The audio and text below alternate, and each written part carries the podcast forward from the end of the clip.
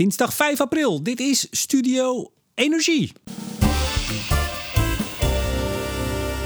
Met vandaag aflevering 4 van de Studio Energie Marktupdate. De show over wat er op de energiemarkt gebeurt en waarom. Met de marktanalist van Nederland, senior energie-econoom bij ABN AMRO, Hans van Kleef. Goeiedag. Dag Hans, niet tegenover elkaar. Jij vanuit het uh, pittoreske Apkoude en ik vanuit uh, de grote Studio Energie Studio. Wat is er aan de hand?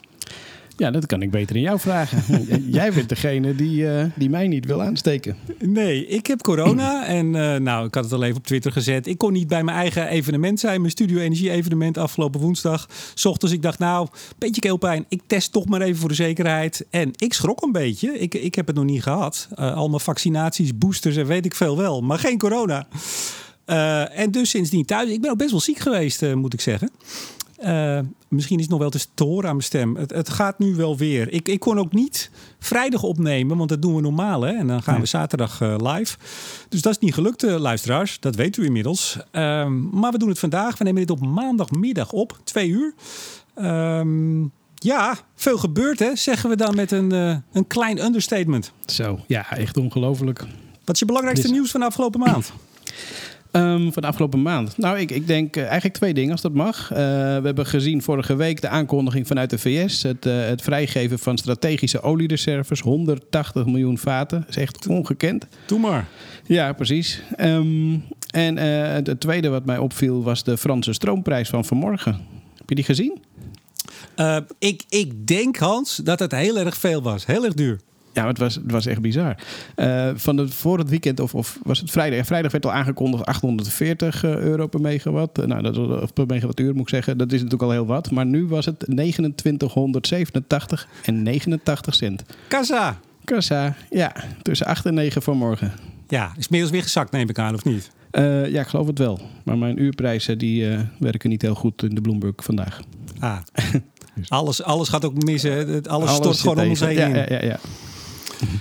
Maar dat, dit even toch, wat, wat, is, wat was normaal? Uh, überhaupt, wat is normaal? Maar wat was ooit normaal als we het hebben over dit soort prijzen? Ja, normaal staat het tussen de 40 en 50, toch? En uh, het schommelt een beetje. Uh, veel wind, veel zon. dan, dan gingen de prijzen naar nul of daaronder. en het, het, wilde ook wel eens richting de 100 lopen. Maar 2987 en 89 cent heb ik niet eerder gezien. Sterker nog. Ja? Oh, ja? Nee, nee ik wou zeggen, de, de, ik zag een, een, tweet van Joost Greunsven, jou wel bekend, onze vriend van Tennet. Vriend van de show. Um, zeker, zeker. Um, maar die gaf ook aan van, uh, nu wordt er wettelijk iets, iets getriggerd, waardoor de, de, het plafond, wat op 3000 euro lag, uh, ja, opgehoogd gaat worden naar 4000. Dus uh, het zet weer nieuwe dingen in beweging. Dus, en dat biedt als het eenmaal in is gegaan, over een week of vijf, uh, weer nieuwe kansen voor uh, nog hogere records. Maar ja, of we daar nou zo heel blij mee moeten zijn, dat uh, kan je afvragen. Ja, want wat was de oorzaak, of wat is de oorzaak? Um, het is een combinatie van factoren, zoals altijd. Uh, maar in dit geval waren er 25 of 27 kerncentrales die uh, offline staan. Uh, die, die wegens onderhoud of andere dingen in ieder geval nu niet beschikbaar zijn. Um, daarnaast weinig wind, extra koud. bij min 1 vandaag in Parijs. terwijl gemiddelde temperatuur normaal gesproken rond de 5, 6, 7 graden ligt. Dus dat, dat scheelt. Meer vraag dus. En ja, dat zorgt ervoor, zeker in de piektijd op maandagochtend... als iedereen zijn kantoor binnenstapt en het licht aan, het lichtknopje omzet, zeg maar, ja, voor een enorme boost in de vraag.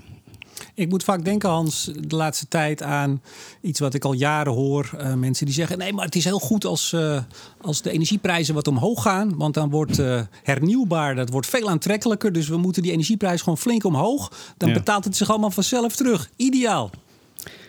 Ja, als iemand nog de energie kan betalen met een tarief van. Nee, ik ga die nog een keer herhalen. Maar ja, natuurlijk, uh, iets hogere prijzen, dat, dat, dat stimuleert wel. Maar je kan er ook in doorschieten, zou ik maar zeggen. Ja, met de nadruk op iets dus. Ja.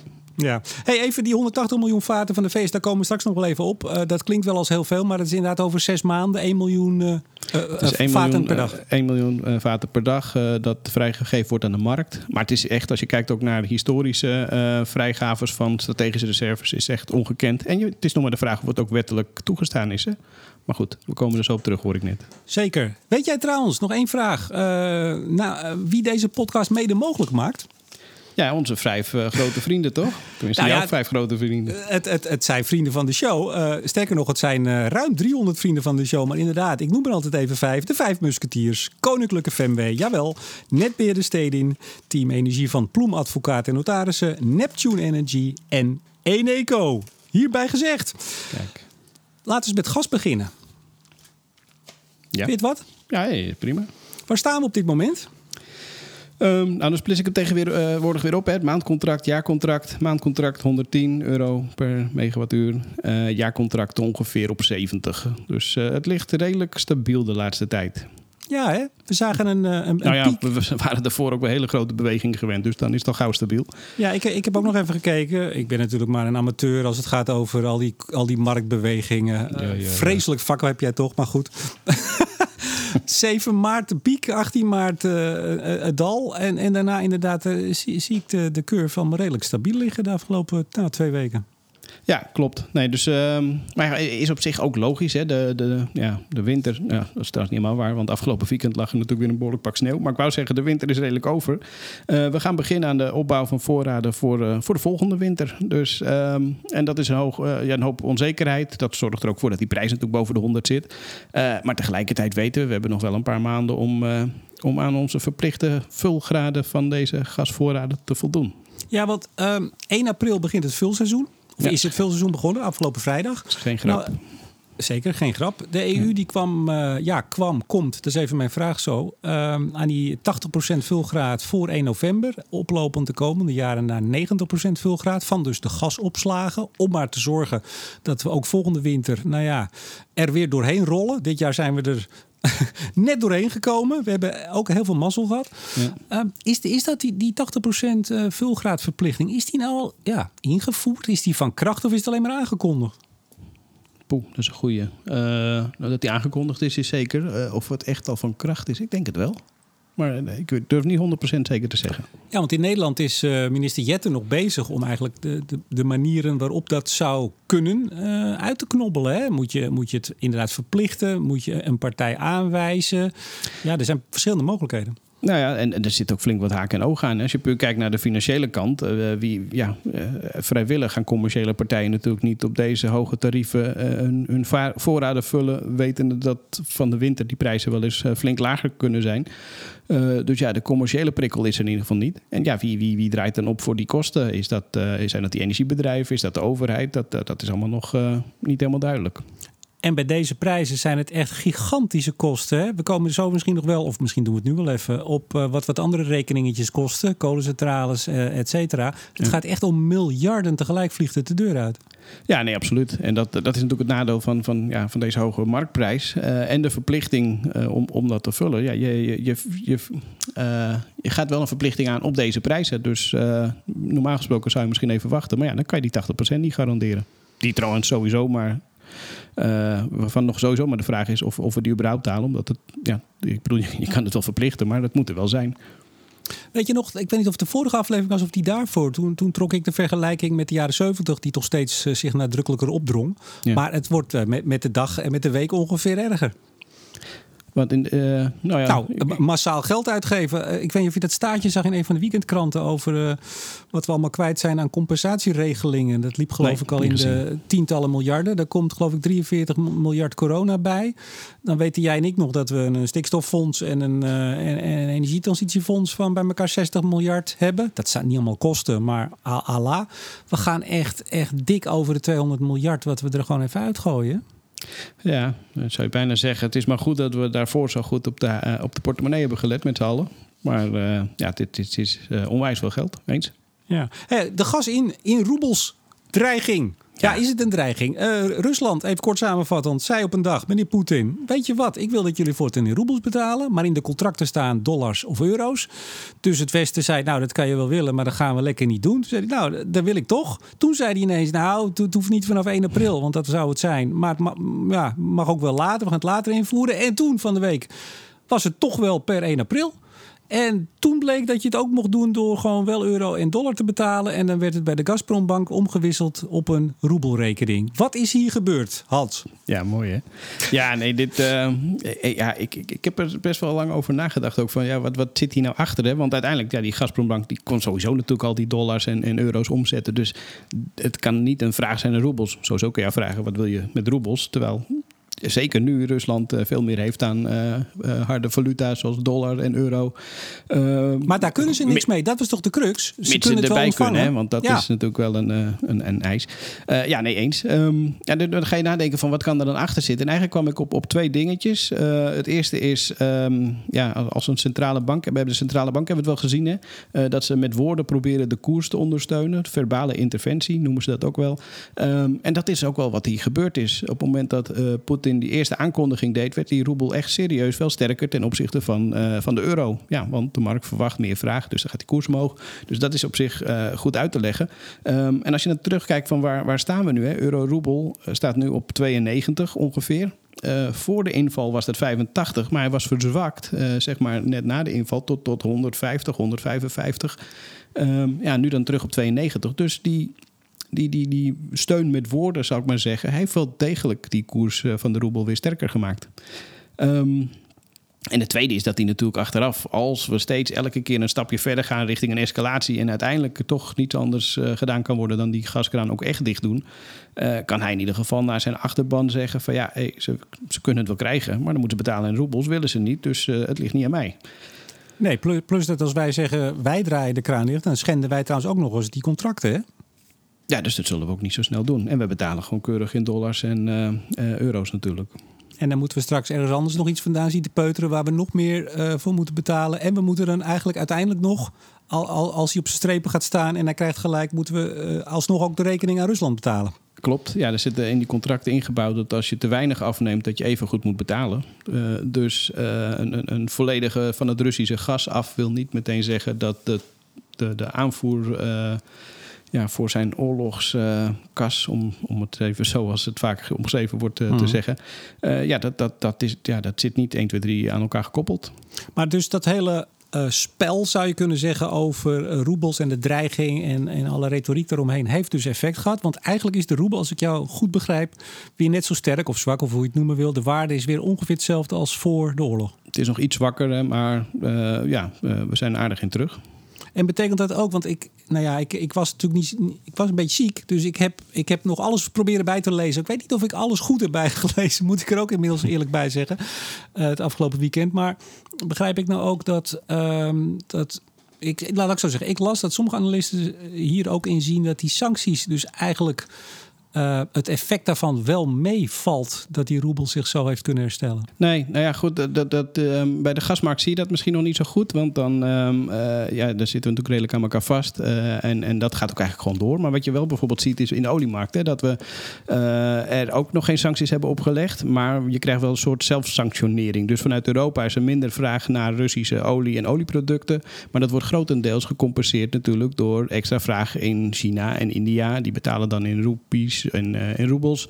Um, dus die inkomstenstroom richting Rusland, die is er nog steeds. En uiteindelijk komt die olie dus ook nog steeds uh, op de markt. Ja, en, en het feit dat ze ook zelf niet zoveel uh, kunnen kopen, maar wel heel veel geld binnenkrijgen. Nou, gaat wel lekker voor de Russen. Ja, nou ja, goed, het is de vraag in hoeverre... Winkels zijn wel leeg straks, maar goed.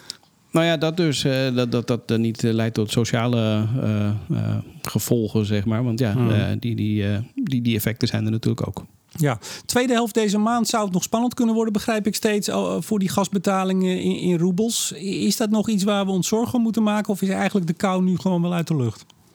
Nou ja, je kan nooit zeggen dat die kou helemaal uit de lucht is. Want ja, uh, Poetin voorspellen blijkt verrekte lastig. Um, maar uh, er, er, lijkt nu met die, die um, betaling in euro's en dollars aan Gazprombank... en dat die dat dan omzetten, lijkt er een weg gecreëerd... waarbij iedereen eigenlijk met opgeheven hoogte kan zeggen... Uh, tegen zijn achter, achterbaan kan zeggen van... nou ja, wij voldoen aan de, aan de, aan de ja, verplichtingen... of zij voldoen aan de, aan de verplichtingen. Dus ja, dat het, het lijkt een uitweg en, en daarmee uh, hopen we dat deze zaak klaar is. Maar helemaal zeker weet je het nooit. Noodplan in Duitsland. Duits minister van Economische Zaken en Klimaat, Robert Habeck, uh, had het eerste waarschuwingsniveau van een noodplan gas afgekondigd. Wat houdt Ja. dat precies in? Nou, dat is eigenlijk een, een, een drie stappen, het stappenplan, eh, waarbij nu de eerste geactiveerd is. De eerste fase, de monitoringfase, is eigenlijk een fase waarbij ze zeggen van nou, wij ehm, zijn dagelijks in contact met de TSO's en, en het ministerie om te kijken van oké, is de, de marktsituatie eh, eh, onder controle of niet? Is er voldoende aanbod? En, ehm, eh, en, en er is een opvroeg, eh, op, oproep om vrijwillig minder te verbruiken, zeg maar, richting eh, de consumenten. Ehm, dus dat is eigenlijk de eerste fase waarbij ze zeggen van oké, eh, nou, eh, de, de, om, ja, om, om die situatie met betrekking tot gas uit Rusland te, te monitoren.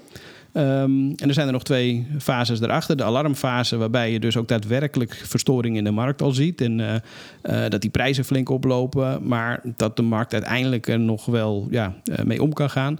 Ehm, maar het is eigenlijk een, een tussenfase richting de, de laatste stap, hè, de, de alarmfase, de emergency phase.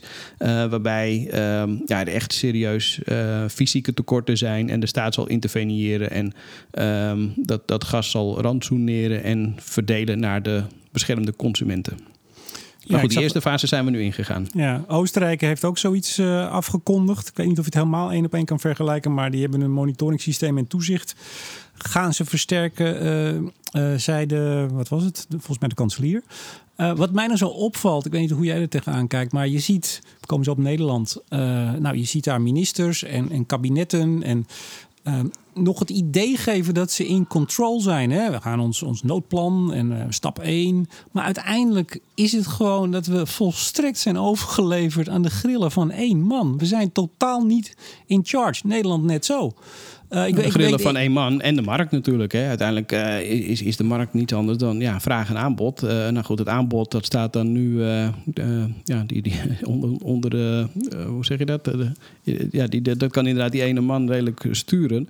Ehm, maar de rest van de, van de, van de wereld hetzelfde verhaal. Dus het is wel een combinatie. Het is, het is, het is dus en de markt en Poetin. Ja, maar Hans, als, als Poetin die kraan echt zou dichtdraaien volledig, dan kan je zeggen ja, de markt. Maar de markt kan daar dan niks meer aan doen. Die, die 150 miljard kuub, die halen we niet ergens anders vandaan. Dan zitten we gewoon zonder, punt. Nou, dan, zit, nee, nee, dan gaat het naar de hoogste bieder. En dan zijn wij in de gelukkige omstandigheid dat wij eh, redelijk vermogend zijn hier in het Westen. Dus dat, dat zouden wij ook zomaar kunnen zijn. Maar dat gaat wel heel wat kosten, ja. Herstel, dan zit er iemand anders zonder. Dat klopt. Nee, dus iemand zit zonder. Ik bedoel, het is.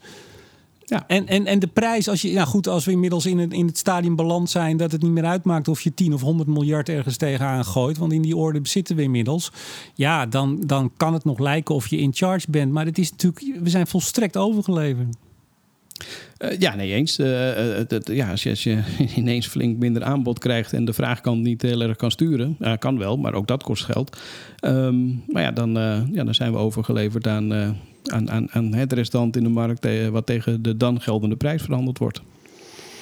Nou, in Nederland was gelukkig zaterdag de lancering. Ik heb hem hier voor me, een van de advertenties van de campagne Zet ook de knop om. Hans, heb jij dat al gedaan? Jazeker. Ja? Waar staat de thermostaat op? Eh, nou, ja, nou, nu zit ik. Maar dit is bij mij sowieso lastig, hè? Dat is een goede vraag trouwens. Maar jij weet, ik woon eh, in een huis met de tuin op het zuiden. Als die zon binnenkomt, dan heeft, maakt het niet uit waar ik die thermostaat op zet, want die kamer is zo warm. Nadeel is zelf dat mijn werkkamer aan de andere kant zit en dat is gruwelijk koud dan. Dus, ehm, en dat, daar loopt iedereen natuurlijk een beetje tegenaan. Ja, nu maar het goed, dat was antwoord eh, van Kleef. Ik weet het niet, ik zit boven en de, die thermostaat is beneden. Voor mij staat die op 20 of 19, zoiets. Nou, wij, wij hadden hem vroeger eh, eh, altijd op 21 staan. We hebben hem een jaar geleden of iets langer al. En ik weet niet eens meer waarom. We dachten op een gegeven moment, ja, het kan ook best wel minder. Eh, hebben hem op 20 gezet. En daar staat hij nu ook nog op. Want eh, nou, mijn vrouw is ook ziek, eh, by the way. Ehm, dus oh, dan ook nog in de kou gaan zitten. Of ja, dikke trui. Ja, ik heb best dikke truien. Maar ik, nou, als we weer beter zijn, gaat hij naar de 19. Eh, nu nog even 20. Ja, en de andere vraag is, en dat is misschien nog wel een belangrijke, belangrijkere. Hoe lang douche jij? ja, maar daar voldeed ik al aan. Ik ben een, een, een korte doucher. Dus eh, die vijf minuten, dat, dat, dat klopt wel ongeveer. Maar ik Echt begreep dat het gemiddelde negen minuten was. Ik denk, hoe, hoe dan? Wat, wat doe je dan de hele tijd? Nee, ik wil het ook niet weten eigenlijk. Maar, Oh, maar het is wel fijn dat jij zo kort doet. Want ik, ik douche langer dan vijf minuten. Dus wij samen zijn eigenlijk ontzettend goed bezig. Dat is dan, Oh, kijk, dat is zo probeer ik hem dan. Ja. te draaien. ja, precies. Maar goed, ik, ik- mijn broertje heeft eh, drie dochters. Eh, ja, die, eh, laten we zeggen, die, die redden het niet met vijf minuten ieder. Nee, maar die werken dus gewoon voor Poetin. Dat is, dat is helder. Ja, blijkbaar. Ja. Die, die staan gewoon op de loonlijst. Hey, ik zag nog een mooie tip, want uh, nou, de, de advertentiecampagne, die, uh, dat was even de aankeiler. Moet, hebben ze ook vrij snel moeten maken, denk ik. Dus, uh, maar ik ben even op de site gaan kijken. Er stond tip, uitroepteken. Let op Hans, dit is een tip. Trek een warm vest of warme trui, sokken en sloffen aan. Ben je actief Kijk. bezig in huis? Dan kan de thermostaat misschien nog wel een graadje lager. Nou, dat is toch goed om te weten? Ja, zeker. Ja. wij, wij zijn nu actief in huis, alleen we zitten. Dus dat we, zijn, ja, we zijn weer niet goed actief bezig eigenlijk. Nee, maar dat bedoel ik net. Dan zit je boven, dus aan de noordkant van het huis. Dat is best fris en uh, ik ben wel actief, maar dat is meer tussen de oren. Uh, lichamelijk uh, wordt het dan best wel, wel ja, kil. En, ja. en, en, niet behagelijk. En dan kan je misschien nog een trui aantrekken. Maar ja, ik heb, ja, ik denk dat het allerbelangrijkste, en daar zal die hele campagne natuurlijk op gericht zijn, is bewustwording. Tuurlijk. Dat, dat heb ik ook net in mijn nieuwe column geschreven. Dat, en dat is ook niet van. van ja, dat, dat, dat hebben we al in eerdere campagnes ook gezien. Hè? Jij had mooi, zo'n mooi filmpje met uh, Loes Luca uh, ja. uh, van de week op Twitter. we hebben eerder al de Warme Truiendag acties gehad. We hebben de Earth Day. En het zijn eigenlijk allemaal van die campagnes die ons bewust moeten maken van onze consumptie. En eerlijk gezegd, met deze prijzen denk ik al dat iedereen behoorlijk bewust is van wat we verbruiken en wat het allemaal kost. Dus die, die efficiëntieslagen die doen we natuurlijk voor zover dat mogelijk is, denk ik toch al. Ja, en ik moet er ook wel bij zeggen, even serieus. Uh, wij, wij, nou ja, ik zit er misschien nu nog een klein beetje over te grappen. We proberen toch ook altijd nog wat te verluchtigen in deze podcast, zeg ik altijd maar. Maar Zeker. ik zag al, poeh, wanneer was dat? Een maandje geleden, misschien nog wel langer bij een vandaag. Uh, dat ze even bij iemand thuis waren die gewoon op, op twee oude, oude, oude Ikea-stoelen volgens mij zat. En uh, de kachel gewoon uit had ongeveer. En, en, en echt, echt gewoon dikke trui. Omdat er gewoon geen geld is. Hè? Dus ja. dat, ja, maar dat is ook het trieste. Hè? Dat, uh, ja, natuurlijk. En, we hebben natuurlijk achter de coronacrisis aan. Er zijn er al heel veel mensen door flink geraakt. terwijl anderen juist misschien eerder geld overhielden. Maar mensen die wel geraakt zijn en dan met deze huidige prijzen. Ja, dat, dat, dat, dat doet pijn. En als je het al niet breed hebt, dan ja, dan, dan krijg je inderdaad hele schrijnende gevallen. Ja, nou ja, laten we ervan uitgaan dat die campagne dus eigenlijk vooral is bedoeld voor mensen die het, uh, nou, die het geld wel hebben, maar om die ook nog eens aan te sporen. Want mensen die het geld niet hebben, die zetten hem vanzelf al lager, hoe, hoe pijnlijk dat ook is. Hey, ja. even, um, EU-landen gaan samen gas inkopen. Dat is alweer nieuws van, uh, nou, bijna twee weken geleden. Wij, wij krijgen 15 miljard kuub uh, van de VS, vloeibaar gas, oplopend naar wel, wel 50 in 2030. Nou, hoe nou, moeten we nou. dit soort berichten zien, Hans? Krijgen. We krijgen helemaal niet. Alleen ja, Biden heeft gezegd... beschikbaar we, gesteld. Neem me niet ja, kwalijk. Nou, precies, we ja. krijgen... Nee, we moeten kopen. Moeten kopen ja, precies. En, en dan nog, uh, Biden die zegt het wel zo leuk. Van ja, wij, wij stellen dat beschikbaar. Maar uiteindelijk is dat natuurlijk niet aan hem. Uh, het is aan commerciële partijen die uh, in principe, zeker in de VS... naar hun aandeelhouders moeten ja, verantwoording af moeten leggen. En dus verkopen aan de hoogste bieder. Dus dan zijn we eigenlijk net terug weer waar we net waren. Um, dat, ja, het kan wel beschikbaar worden gesteld. En, en nu zal er ook wel wat, um, uh, hoe zeg je dat, uh, welwillendheid zijn om, om dat uh, richting Europa te sturen. Ja, en er zal druk uitgeoefend worden ook, hè? Ja, precies. Maar goed, als in de loop van de zomer blijkt dat, uh, dat de Chinese of de Indiase voorraden achterblijven en die gaan ook bieden, kan, kan Biden het dan nog steeds garanderen? Ik vraag het me af, ik weet het niet. Ja. Ik zag trouwens nog even terzijde hoor. Ik weet niet meer. Uh, ABN AMRO had een onderzoek naar de, het effect van al die hoge energieprijzen in Nederland. Was jij niet bij betrokken, geloof ik, of wel? Nou, ik lever meestal de input op, de, op, de markt, uh, op het marktstukje, zeg maar. Dus uh, hoeveel afhankelijk zijn we van Rusland en uh, wat is de ontwikkeling met de gasprijzen, maar de doorvertaling naar de consumenten, nee, dat. Ja, als ik het goed vertaal, extreme energieprijzen kosten bedrijfsleven dit jaar 22 miljard, was de conclusie. Ja. Dat zijn toch echt. We hadden het er net even over. Ik wil er niet te lang in blijven hangen. Maar het, het gaat dus echt met, met. Nou ja, als je alles bij elkaar optelt. Tientallen miljarden en meer uh, vliegt het de portemonnee uit. En, en we ja. doen eigenlijk al alsof dat. We, we lezen het. Het was niet eens groot nieuws. Het was. Uh, ik zag het geloof ik de FD misschien. Misschien NRC, weet ik niet meer. Uh, nou ja, je neemt het bijna voor kennisgeving aan en door. Maar dit, dit zijn echt, als we hier later op gaan terugkijken. Het is een beetje zoals als je nu naar de jaren 70 kijkt. Als je daar later op terugkijkt, dan zeg je: jongens, wat was dat? Ja. Ja, en, en, ik bedoel, die, die rekening ligt dan bij het bedrijfsleven, maar die zijpelt uiteindelijk gewoon door natuurlijk naar de consument. Dus uh, ja, uiteindelijk betalen we het met z'n allen. Nou ja, de, van, van, de grote bedrijven. Kijk, MKB en, en ZZP'ers, en, en, die zitten ook bij het bedrijfsleven. Uh, ja, die, die, die teren gewoon in op uh, pensioen en andere uh, potjes. Ja, voor zover je het niet kan doorbelasten naar je klant, bedoel je? Ja, precies. En nou, die kunnen ja. het vaak niet. Ja. Tja, nee, maar goed. Um, hey, we gaan naar olie, want er was weer een OPEC-vergadering vorige week. Ja, ja. Nou, we, we zijn ooit hebben we op de 16 minuten gezeten, ik geloof ik de 13 of 14. Waar? Hoe lang record, duurde die nu? 12. Ja, Ah, het is echt man. ongekend. Ik, ik kijk al uit naar voren. Ja, ik weet ook nog wel dat we vorig jaar hebben we wel meetings gehad van, van bijna twee dagen. En daar kwam geen eind aan. Dus Hey, eh, Hans, in, dat opzicht is, is dit een hele verademing. Maar jammer is wel dat ze er geen persmoment geen pers, ehm, eh, meer aan koppelen. En daar werden eigenlijk de, de, ja, de belangrijkste dingen gezegd. Hè. De, op basis van vragen van journalisten. Ja, gaven ze de, de echte duiding los van wat ze op papier naar buiten brengen. Ja, die missen we nu. Ja, Hans, maar wacht even. Ik wil even één stapje terug. Oh, Vorige ja. keer vertelde je dat je, Ja. eh, je was te laat. En, en er was Ja. een, een of ander zeikerig muziekje. eh, en hoe, hoe ging het nu? Was je op tijd? Was je op tijd voor de vergadering? Ja, dit is gemeen. Dat hebben we niet voorbesproken, maar ik was weer te laat. of eigenlijk waren zij weer te vroeg, hè? dat is het meer. Dus ehm, ja, nee, ze hebben altijd die technische voorbespreking... en daarna wachten ze normaal gesproken keurig op twee uur... en dan begint de vergadering. Nou, dat ik zeg, soms duurt dat een uur, soms duurt dat vijf uur... soms duurt dat twee dagen. Eh, en nu was de technische briefing eerder klaar... en hebben ze meteen die andere erachteraan gejast... en eh, voor tweeën weer klaar, ja. Maar je gaat dan toch, dat heb je nou vorige keer geleerd. Dan ga je toch om, desnoods om één uur zet je dat ding verstaan. Nou, ik kan ook denken, ik heb de vorige keer geleerd... want eh, er, er komt toch geen pers... hoe heet het nou? Perscommunicatie. Eh, nee, Persconferentie. Eh, confer- ja, die, dank je. Persconferentie. Ja, die was het toch niet. Dus, eh, en dat hadden ze al aangekondigd.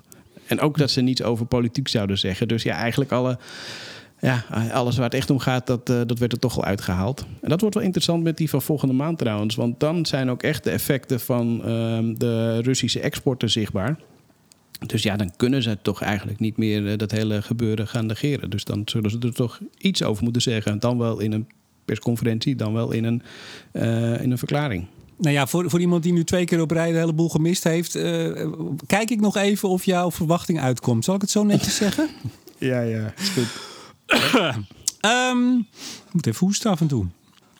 Eh 432.000 vaten. We zaten altijd op de 400.000. Of, of was het altijd wel rondom de 400.000? Nee, het was 400.000. En deze keer voor het eerst inderdaad 432.000. En dat heeft te maken met dat in, ik meen augustus vorig jaar... ehm, eh, de Verenigde Arabische Emiraten ineens tot een conclusie kwamen... dat het basisniveau waar ze die hele berekening op maakten... voor hen niet zo goed uitpakte. Dus die zijn toen gaan heronderhandelen.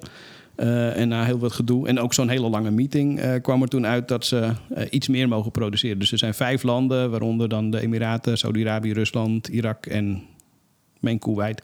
Eh, die mogen ietsje meer doen, waardoor het totaal niet meer 400.000 is, maar 432.000. Waarbij ik moet zeggen dat die productieniveaus dus eigenlijk meer productieplafonds zijn geworden. Hè? Want ja, eh, lang niet iedereen kan meer aan, aan de nieuwe quota voldoen, waardoor die 432 eigenlijk helemaal niet gehaald gaat worden. Ja, en maar dat wel is van- zou mogen. Ja, dat is vanaf mei. En dus de afgelopen maanden is er steeds gezegd... we gaan er 400.000 vaten Klopt. per dag Ja. productie bij. Althans, dat mag. Hè, of het lukt, daar hebben we het al vaker over gehad. Het lukt vaak Ja. niet. Eh, nou ja, daar kwam dus Amerika al bij. Die zei, wij gaan dus 1 miljoen vaten per dag... extra vanuit de eh, strategische reserve halen. Dat doen we zes maanden lang. Nou, dan Ja. zit je op zo eh, grofweg eh, anderhalf miljoen vaten per dag. Wat, wat deed dit allemaal voor de, voor de olieprijs?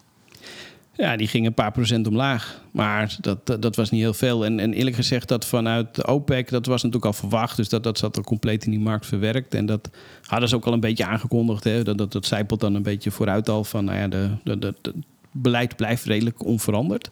Eh, maar ja, we, we zeiden al bij de, bij, de, bij de intronet, die 180 miljoen in totaal is echt ongekend. Ehm, als je kijkt naar eerdere strategische reserves en eh, vrijgaves daaruit, dan hebben we in 2011 Obama gezien bij, met de hele situatie in Libië met 30 miljoen vaten. Eh, we hebben in 91 Bush senior met de Golfoorlog 17 miljoen vaten. Ehm, ja, dat was het eigenlijk wel een beetje. En en toen hadden we Biden nu dan. Ehm, ja, en die, die, die, die strooit me met vaten olie waar je niet goed van wordt. Dus dat was eerst al in november 30 miljoen. In maart, nee, sorry, in maart was het eh 30 miljoen vaten. 50 In- miljoen. in- dat was november, toch? In november, ja, precies. Ja, precies. November was 50 miljoen. In maart nog eens 30 miljoen. En nu nog eens 180 miljoen eroverheen. Ja. Ehm, en, en als je dan kijkt, wettelijk gezien, hè, die hele strategische reserves die zijn opgebouwd in 75 als gevolg van die oliecrisis. Eh, en hebben ze gezegd van nou, op het moment dat er of fysieke tekorten zijn, of de vraag zo hard toeneemt dat het niet meer bij te houden valt, dan mag je putten uit die strategische reserves. Maar zoveel tekorten hebben we helemaal niet op dit moment. En zeker niet die 180 miljoen. Ehm, en al helemaal niet als je bedenkt dat het dan gericht is op het vervangen van Russische olie. Dat, dat, dat zware spul uit Rusland. En dan, als je dat dan vergelijkt met, uh, ik neem aan, de WTI-olie in de VS, die toch van een heel andere kwaliteit is, kan je dat ook niet zo 1, 2, 3 vervangen. Dus ja, waarom doet Biden dit dan? En dat is toch vooral gericht op, het, op die hoge benzineprijs in de VS. En, en, en de verkiezingen. Mogelijk de verkiezingen die eraan komen. Ja, je bent me net voor. Ja, nee, precies. Eh, maar of dat wettelijk uh, correct is, nou, dat kan je nog wel eens afvragen. Nou ja, goed, dan moet, je dus, dan moet er in die wet uh, zijn vastgelegd hoe, hoeveel dan het verschil tussen vraag en aanbod en in hoeverre dat uit elkaar loopt, uh, het mag zijn of moet zijn voordat je dit soort dingen mag doen. Ja, maar dat matcht niet met 180 miljoen vaat in een half jaar hoor. Want dan heb je dus 180 miljoen plus en 50. die 30 van eerder dit jaar is 210. Ja. En die 50 uit november. Dat is 260. Ja. En als je dan naar het effect op de benzineprijs kijkt, ja, dan is die behoorlijk klein. Even uh, korte vraag, hebben we ook niet besproken. We bespreken bijna eigenlijk niks. Maar uh, hoeveel procent uh, van de totale strategische oliereserves is dit? Ongeveer een derde. Ze hebben, dan moet ik even uit mijn hoofd doen, maar volgens mij is de maximale capaciteit 714 miljoen vaten. Zitten ze nu om en nabij de 550 miljoen en daar gaat er nu 180 af. Daar komen ze trouwens ook onder de 90 dagen reserve die ze moeten aanhouden. Dus ze moeten ook meteen weer in de markt aan gaan kopen. En dit is dus om de olieprijs naar beneden te krijgen. Dat is het grote doel ja. van Biden. Want ik heb begrepen, ik las het ergens in de krant en ik vond het een mooi beeld. Of het, of het letterlijk is, weet ik niet. Maar als hij belt met Saudi-Arabië en met de Emiraten, nemen ze de, tele nemen ze de telefoon niet meer op. Ja, dat las ik ook, ja. Maar, maar gewoon letterlijk, ze nemen de meeting niet. Ze willen er niet over praten. Ze laten hem eigenlijk gewoon, en dat wordt wel gezien ook door vele geopolitieke analisten, als echt een aardverschuiving. Hè? Ja. Nou ja, en ergens is dat ook wel nou ja, te, te, te, verklaren vanuit het Midden-Oosten gezien, vanuit Saudi-Arabië. Ik bedoel, die werken natuurlijk en nu in de OPEC Plus heel nauw samen met Rusland. Daar kan je van alles van vinden, maar goed, die, die hebben ze dus uh, ook aan tafel zitten. Um, Biden is heel druk bezig met het nucleaire akkoord voor ja, met Iran samen. nou goed, Iran en Saudi-Arabië, dat, dat gaat ook niet heel goed door één deur. Nog los van het feit dat als er al zo'n akkoord is, dat Iran natuurlijk ook zegt, ja, sancties eraf en dan mogen wij meer exporteren. Dat gaat weer van het marktaandeel van, van de rest van OPEC lees Saudi-Arabië af. Dus um, ja, die, die staan echt niet te springen om nu die olieproductie flink op te hogen. Los van dat zij al zeggen dat er eigenlijk niet zo heel veel fysieke tekorten zijn. Want ja, die olie uit Rusland die gaat nog steeds naar China en India extra. Dus die, die fysieke tekorten zijn er niet heel erg. Dus die politieke druk vanuit Biden, ja, die is heel erg gericht op de lokale benzineprijs. Uh, maar richting Saudi-Arabië heeft hij weinig, uh, ja, weinig te verapstukken. Ja, ik, ik las ook, uh, volgens mij had Jillis nog ergens een commentaar erop gegeven over dat uh, het IEA zegt, Internationaal Energieagentschap, dat Rusland vanaf april zo'n 3 miljoen vaten per dag minder uh, op de markt ja. zou moeten kunnen brengen door de sancties. Trafigura, bijvoorbeeld handelsbedrijf, die zeggen nou 2 tot 3 miljoen. Maar Jillis zei, en dat zeg jij volgens mij dus ook, ja, onder de radar wordt er gewoon heel veel, of onder de tafel wordt er gewoon heel veel verkocht nog steeds. Ja, wat ik zei inderdaad, er gaat een deel naar China, naar India. Wat Gilles ook aangaf, is dat het wellicht vermengd wordt met, met een andere type olie. Um, en ja, dan is het al helemaal lastig meer te, te, kijken waar wat vandaan komt. Hè. Dat, uh, dus ja, en, en er zal er inderdaad nog wat, wat uh, zwarte handel zijn. Dus um, ja, er, komt denk ik nog behoorlijk wat, uh, wat Rusland uit. Absoluut. Ja, maar, maar, zoals je net al zei, bij de volgende OPEC-vergadering over een maand gaan we hier dus meer van zien. Nou ja, dan zou je dus, maar goed, dan hangt het er weer een beetje af van welke cijfers ze gebruiken. Maar dan zou je dus moeten gaan zien um, dat er daadwerkelijk minder geproduceerd of geëxporteerd wordt vanuit uh, Rusland. Uh, en dat, ja, dat, zullen ze toch moeten adresseren. En, en um, uh, ja, dan, dan kan je toch moeilijk meer zeggen dat er ja, geen tekorten zijn. Tenzij ze dus, wat, wat, ze nu een beetje aangaven, dat ze de, cijfers van het IEA wellicht niet helemaal vertrouwen en op die manier ja, er een draai aan proberen te geven. Ik, ik wou net zeggen, want je kan gewoon op een gegeven moment de cijfers gaan ontkennen. Er, er wordt wel meer ontkend, geloof ik, de afgelopen dagen. Zelfs als er, uh, het is toch verschrikkelijk, hè? Als, als er burgers gedood in, in de straten liggen in Oekraïne, in het dorpje. En dan, nu zegt Rusland, nee hoor, is fake. Ja, het is gewoon niet echt. De Amerikanen hebben het besteld, deze beelden. Het is toch... Maar nou ja, goed, laat ik, laat ik hier niet in, uh, in verder gaan. Maar je, je kan dus, uh, en dat gebeurt dus al, gedoe krijgen over de cijfers. En ja. niemand weet het ook eigenlijk dus gewoon. Nee, klopt. En eerlijk gezegd, binnen OPEC vertrouwden ze elkaar toch al niet zo. Dus vandaar dat die cijfers altijd met een flinke vertraging terugkomen. Omdat het vanuit derde partijen uh, moet komen. Omdat ze hun eigen cijfers uh, ja, niet, niet Ja, die handelaren dus. Zo'n Trafigura en dat soort partijen. Nee, nee, ja, die moeten die cijfers aanleveren. Uh, -huh. En inderdaad, op, op landenniveau ja, vertrouwen ze elkaar iets minder. Ja, hey, dat, dat uh, iets heel anders. Dat brandstofdepot in uh, Belgorod in Rusland. Wat uh, Rusland zei, Oekraïne heeft dat beschoten en in brand geschoten. als, dat, als zoiets gebeurt, zie jij daar dan iets van in de markt als gevolg? Nee, dat heb ik niet gezien. Hmm is ook wel bijzonder. Hè? Oekraïne, Oekraïne zei nou, we weten, we weten er eigenlijk niks van. We kunnen er niks over zeggen, want we weten er niks van. Ik geloof een dag, twee dagen later, die orde, zeiden ze, nou, wij waren het niet. En verder hoor je er ook niks meer over. Nee, uh, ja, nee, ik, ik, geen idee. Ik kan, kan niks over zeggen. Sorry. Nee, wij kunnen er ook niks over zeggen. Maar, maar ja, mij vallen dat soort dingen dan op. En dan denk ik, ja.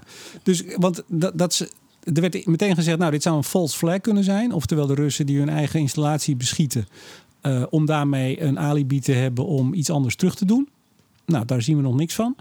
Um, En ja, als Oekraïne het wel gedaan heeft, dan ja, ik zou dus ook kunnen zeggen, we waren het niet.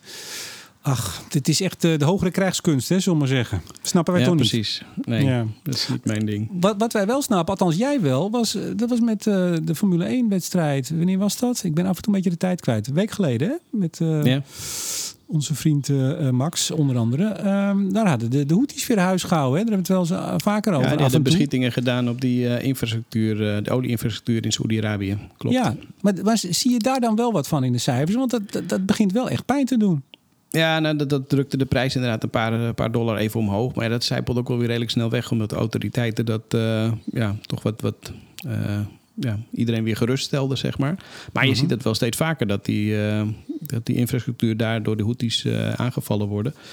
Um, ja, dat, dat geeft ook wel aan dat het best wel kwetsbaar is, toch? Ook daar. En dat, ja, dat maakt de zorg er niet minder op. Maar het is niet dat die Houthis, want het, die heten dan rebellen. Het is niet dat die dan met een handgranaat staan te gooien. Daar wordt ook zo'n nee, hoofdkruisraket op afgeschoten. Die, die, drone, die afstand, ja, ja. die drone dingen. Maar ja, nee, maar dat, uh, dat hebben we al, al eerder gezien, maar dat gebeurt steeds vaker. En dat tot nu toe blijven die gevolgen redelijk beperkt. Maar als er een keer uh, ja, een, cruciale uh, ja, infrastructuur weten te raken, ja, dan, dan, dan kan je serieuze problemen hebben. Maar dat, dat, dat lukt ze niet of, of doen ze dat bewust nog niet? Ja, als jij het weet, dan, dan mag je het zeggen. Ik, ik, ik, ik geen idee. Maar ja, tot, ik weet het, maar ik mag het, niet, ik mag het niet zeggen van oh, je mag het, dus, Oh, nee. oké. Okay, ja, nee, sorry. Dan, ja. Steenkool. Ja. Ja. We, gaan, we gaan door. Uh, minister Jette, ik ben zeer teleurgesteld, schreef hij in zijn brief, over deze beslissing. En het is een slechte beslissing voor het klimaat. Waar ging het over? Over de, de kolencentrale op de Maasvlakte, de Onyx-centrale, die uh, uh, ja, niet gebruik gaat maken van de vrijwillige uh, afkoop van 200, wat was het, 212 miljoen? Ja, 212,5 geloof ik zelfs uit mijn hoofd. Ja. En, en zeggen van, nou ja, wij, wij, wij, wij draaien nog even door. En met een kolenprijs van 189 dollar per ton en een, een, een winstgevendheid ruim in de plus, ja, kan je, begrijp ik die besluit, dat de besluit wel. Ja, want hoe, hoe, hoe hoog is 189 per ton? Ten nou opzichte ja, van ik, normaal? Ik, als ik kijk, in 2020 hadden we een hele lage prijs. En dat was het gemiddelde voor het jaar zat het ongeveer iets boven de 55. Uh, ja, dus we zitten op uh, nou, een kleine vier keer uh, dat bedrag. Maar als je naar de gasprijs kijkt, ja, die zit een, een, een, nog veel hoger. Dus wat dat betreft kunnen kolencentrales nu redelijk goed, goed draaien ten opzichte van gas. Maar goed, dan pakken we meteen even de CO2-prijs mee. Want uh, kolen stoot ongeveer twee keer zoveel uit als gas. Dus ze moeten ook twee keer zoveel uh, CO2-rechten hebben. Dan nog altijd is kolen op dit moment in, in de money? Ja, als je kijkt naar de, naar de, de dark spread, heet het dan. Hè? Dus de winstgevendheid van kolencentrales, die zit ruim in de plus. Uh, 25, waar die echt jarenlang of onder de nul zat of net erop. En, uh, en als je datzelfde bekijkt voor de, de, de gascentrales, dus de spark spread, ja, die zit uh, dik in de min. Dus uh, kolencentrales doen het, doen het goed. En om even terug te pakken op die ETS-prijs, ja, die zit rond de 80 euro per ton op dit moment. En daar schommelt die al een tijdje op. Um, marktspeculatie lijkt daar ook redelijk uit te zijn op dit moment. Dus ja, is, is nog steeds een hele hoge prijs voor CO2-rechten. Maar ook niet meer zo hoog als die we gezien hebben natuurlijk. Ik vond die, uh, die uitspraak van Jette, die ik net uh, voorlas, dat hij zeer teleurgesteld is. Ik vond het, nou ja, laat ik niet te grote woorden gebruiken. Laat ik me eens even rustig houden. Ik vond het opvallend, Hans. Opvallend vond ik die uitspraak. Ik, ik vind echt dat dit kabinet uh, en minister Jette in Kluis God op zijn blote knietjes mag danken dat er nog kolencentrales staan. En dan weet ik wel, voordat iedereen weer uh, over de zijk gaat, over klimaat. Ja, dat weet ik wel. En daar zijn we ook mee bezig en daar wordt aan gewerkt. Maar in deze situatie, met zulke gasprijzen, met zulke hoge energieprijzen, met zulke afhankelijkheid van een oorlogshitser van meneer Poetin moet je blij zijn dat die dingen er nog staan. En ik vond het fijn om te zien dat Martin Visser ook een, uh, nou, nog, nog iets verder ging in zijn pleidooi. Van haal ook die 35 procent uh, uitstootbeperking die erop zit. Haal die er vanaf. Laat die dingen draaien. Want hoeveel was het? 400.000 kuub gas per uur scheelt dat. Ja. Uit mijn hoofd hoor, kan er ietsje naast zitten. Maar heb, heb jij, ja, waarschijnlijk heb je daar wel een opvatting over, maar ga je dat niet zeggen als keurige ABN AMRO-man. Maar heb jij een opvatting over zo'n uitspraak van een kabinet dat ze zeer teleurgesteld zijn? Ja, maar die kan ik als keurige... nee, onzin. um, ja, natuurlijk heb ik opvattingen. En, en, en kijk, het is maar net welke pet heb je op en, en hoe kijk je ernaar. Als je puur kijkt naar de klimaatdoelen, dan, uh, ja, dan is het een, een, een teleurstelling. begrijp ik dat. Want ja, uh, een, een kolencentrale, wat je zegt, die stoot aanzienlijk meer uit. Als je kijkt naar de leveringszekerheid...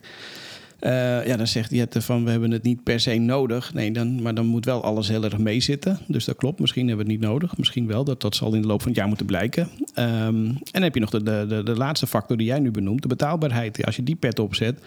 Ja, dan is uh, iedere uh, optie die goedkoper produceert, is natuurlijk meegenomen. En uiteraard, net wat jij ook zegt, er moet flink geïnvesteerd worden in meer duurzame energie. En maar daar zijn we natuurlijk al hard mee bezig. Sterker nog, we gaan zo hard dat, dat, dat, dat infrastructuur die trekt dat niet. En je moet de, de, de arbeiders ook maar zien te vinden die dat allemaal aanleggen.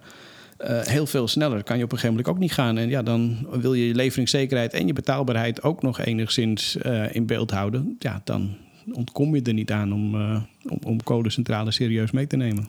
Maar, maar dit is nou precies wat we de afgelopen jaren gezien hebben. en er hebben meer ja. partijen voor gewaarschuwd hou nou ook betaalbaarheid en leveringszekerheid in de gaten. En dat is gewoon onvoldoende.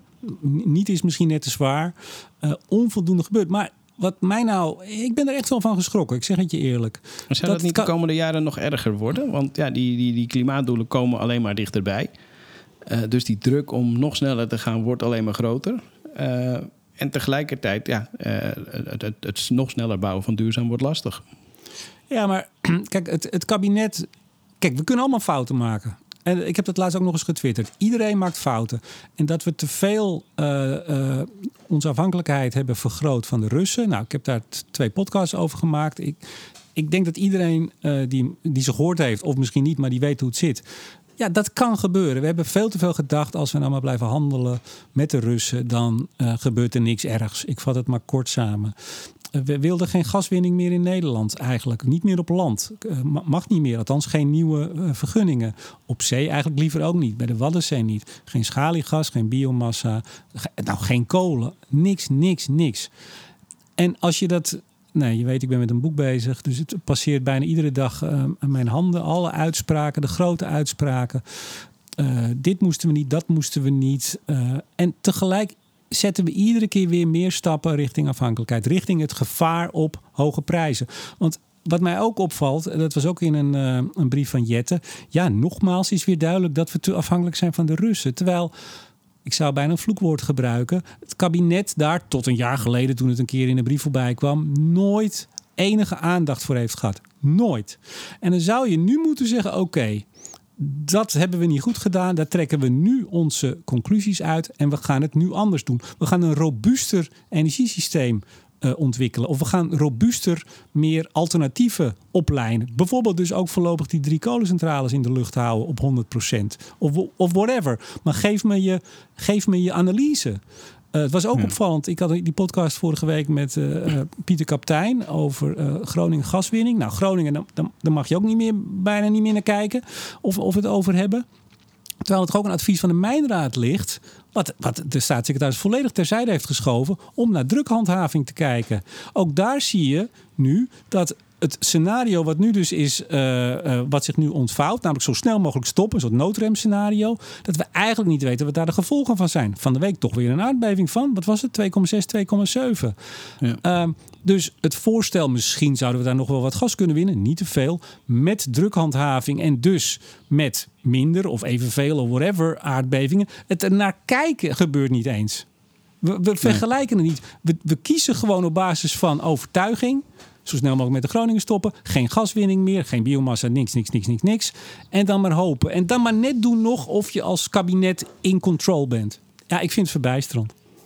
Ja. Het gaat nog verder. Hè? Dat ook, als ik puur kijk naar de afhankelijkheid van grondstoffen. Ja, ik, ik, ik, voor mij is er ook niet heel veel beleid op in ieder geval. Eh, en dan kan je zeggen van ja, dat, dat gaat dan over de energiegerelateerde grondstoffen als olie, kolen en gas. Maar dat geldt natuurlijk ook voor, eh, voor de energietransitie. Hè? De, de metalen, de, de rare earth metals. Uh, maar ook voedsel. Hoe, hoe, eigenlijk, als je nu naar de grondstofprijzen kijkt, is, is alles omhoog. Maar dan ook echt alles. heel veel komt er gewoon uit, uit, uit de regio Rusland, Oekraïne. Um, of, of China. Maar goed, en daar willen we ook niet te afhankelijk van zijn. En dat maakt het natuurlijk wel ja, heel erg moeilijk. We zijn nu bezig met een rapportje over uh, Nederland uh, en, en richting uh, klimaatbeleid. En wat zijn de gevolgen? Hoe ziet dat eruit in 2050? Ja, dan zie je een aantal bottlenecks. En daar is grondstof op de beschikbaarheid daarvan, of materiaal, zeg maar. ja, dat is toch wel een, een hele belangrijke. Ja, nee, maar weet je, laten we concluderen dat niet, niet alleen Nederland, maar het, het, het, hele vrije Westen zou je kunnen bijna zeggen. nou, een bepaalde kant op is gegaan. We, worden, we zijn nu keihard wakker geworden. En dit is niet iets eh, zelfs al zou die oorlog op korte termijn over zijn. Uh, bedoel, het effect hiervan eilt nog decennia lang door. We zullen weer meer uh, zelfstandig moeten worden. Um, dus weet je, nou ja, noem het een fout of noem het een ontwikkeling. Dat gebeurt. Maar ik zou nu willen zien dat dit kabinet ook. En dat is natuurlijk mijn onderwerp als het gaat over energie, energie en klimaat. Dat duidelijk stelt. En niet, als ik, wat ik nu de laatste weken zie, dat ze nog steeds eigenlijk blijven hangen op. Ja, dat is wel heel teleurstellend dat de kolencentrale niet uh, op stel en sprong uh, de deuren sluit. Het gebouw moest ook gesloopt worden. Hè?